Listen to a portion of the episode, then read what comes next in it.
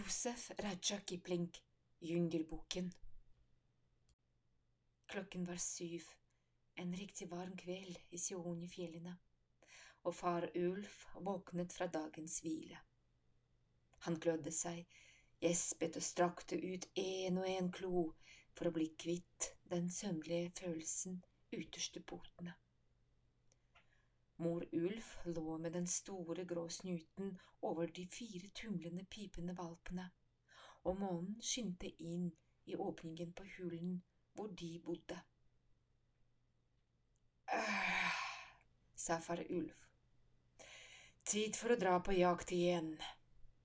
Han skulle til å sette av sted utfor bakken da en liten skygge med busket hale kom over terskelen til hulen og pep. Lykken følge deg, du høvding over ulvene, og lykke sterke tenner til de fornemme barna, så de aldri glemmer de sultne her i verden. Det var sjakalen tilbake, tallerkenslikkeren, og ulvene i India hater tabaki, fordi han løper omkring og gjør ugagn og sladrer og spiser filler og lærbiter fra søppelhaugene i landsbyene men de er redd ham også, for Tabaki kan bli gal. Og det skjer oftere med sjakalen enn med noe annet dyr i jungelen. Da glemmer han at han noen gang har vært redd for noen, og løper gjennom jungelen mens han biter alle han kommer over. Selv tigeren løper og gjemmer seg når lille Tabaki blir vanvittig for galskap er det mest skammelige som kan komme over et villdyr.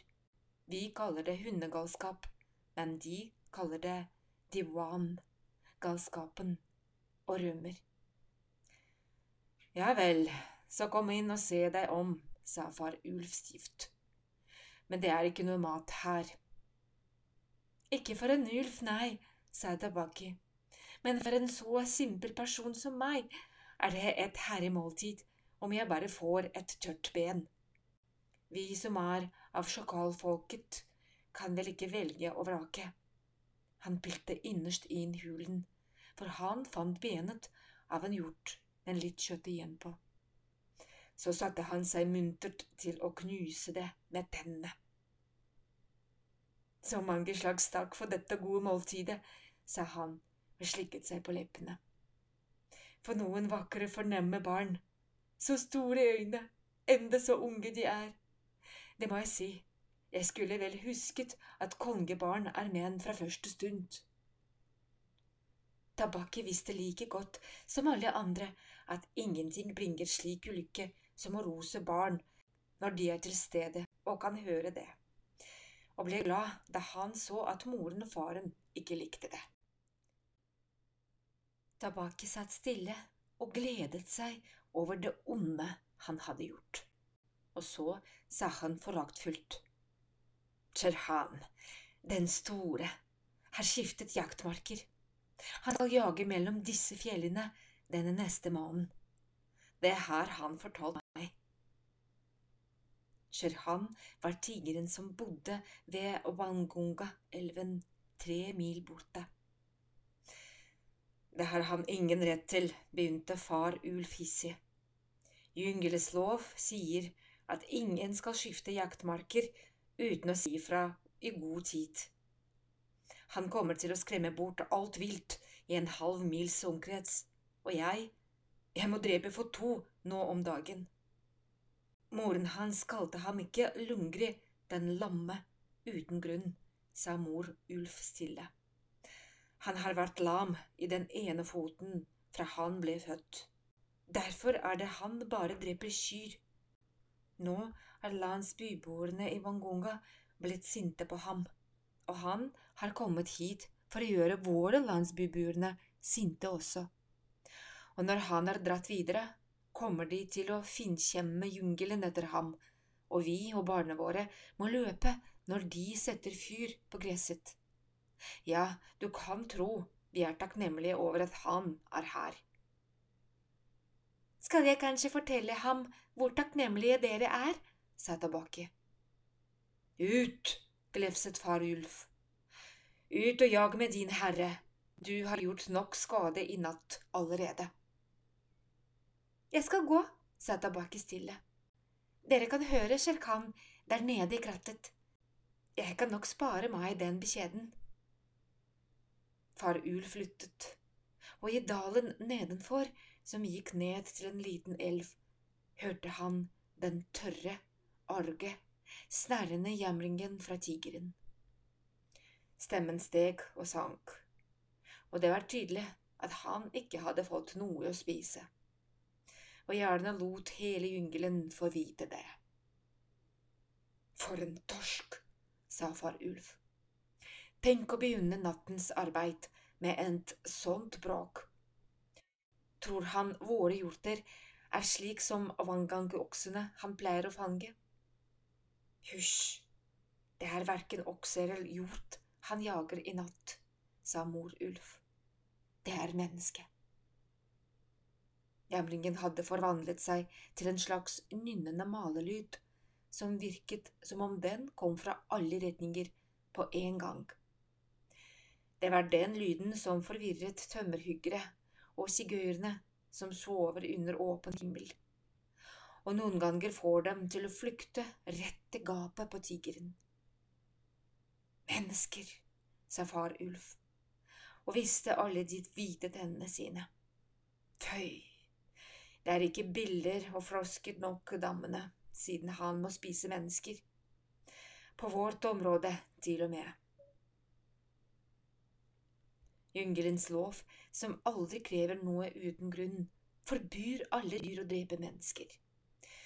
Unntatt når det er for å lære opp ungene, og da må de gjøre det utenfor jaktmarkene til sin egen flokk.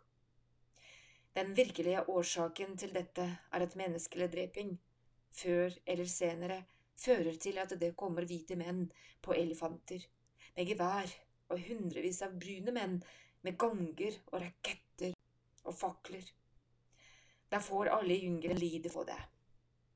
Grunnen til det, sier villdyrene, er at mennesker er det svakeste og mest forsvarsløse av alle levende vesener.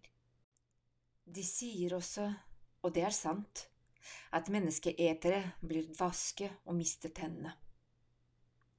Murringen løt høyre og endte opp i et ær av full hals, tigerens angrepsbrøl. Så kom et hyl, et utigersk hyl fra Sherhan. Han bommet, sa mor. Han bommet, Samor Ulv. Hva kan ha hendt? Far Ulf løp et par skritt ut av hulen og hørte at Sher-Han gryntet og mumlet rasende, mens han kavet rundt i krattet. Den torsken har vært dum nok til å hoppe inn i leirbålet til en tømmerhugger, og så har han brent føttene sine, sa far Ulf med et grynt. jeg sammen med han. Det kommer noe oppover bakken, sa mor Ulf og snudde på det ene øret. Gjør deg klar. Løvet traslet litt inne i krattet, og far Ulf krøp ned på huk, klar til å springe. Og hvis du hadde vært der akkurat da, ville du ha fått se noe av det mest fantastiske i verden, en ulv som stanset midt i spranget. Han hoppet før han så hva han hoppet mot, og så prøvde han å stoppe. Resultatet var at han får rett til værs, omtrent en og en halv meter opp, og landet nesten der hvor han hadde startet. Menneske! gispet han. En menneskevalp, se! Rett foran ham sto en liten brun unge som så vidt kunne gå. Den holdt seg i en kvist. Et mykere og mer rynkete lite fnygg har aldri kommet nær en ulvehule om natten. Den så opp på far ulv og smilte. Er det en menneskevalp? spurte mor ulv. Det har jeg aldri sett før. Ta den med hit. En ulv som er vant til å flytte sine egne barn, kan om nødvendig løfte et egg i munnen uten å knuse det. Og selv om far ulv lykket kjevene helt rundt barneryggen, var det ikke et tannmerke på huden da han la menneskeungen ned blant valpene. Så liten, så naken og så modig, sa mor ulv mykt. Barnet klemte seg inn mellom valpene for å komme tett innpå den varme pelsen hennes. Jaså, han spiser sammen med de andre. Så dette er en menneskevalp. Har det noen gang skjedd før at en ulv kunne skryte av å ha en menneskevalp blant ungene sine? Jeg har vel hørt om slike ting, men aldri i vår flokk eller vår tid, sa far ulv. Han er helt uten hår, og jeg kunne drepe ham hvis jeg rørte ham med poten. Men se der, han kikker opp på oss og er ikke redd. Nå ble månelyset stengt ute fra huleåpningen, for Sher Khans firkantede hode og skuldre glemte seg inn. Tabaki sto bak ham og pep. Herre, herre, den gikk inn hit! Sher Khan gjør ære på oss, sa far Ulf, men øynene hans var veldig sinte. Hva er det Sher Khan vil? Byttet mitt, en menneskevalp gikk denne veien sa Shere Khan. Foreldrene rømte. Gi meg den.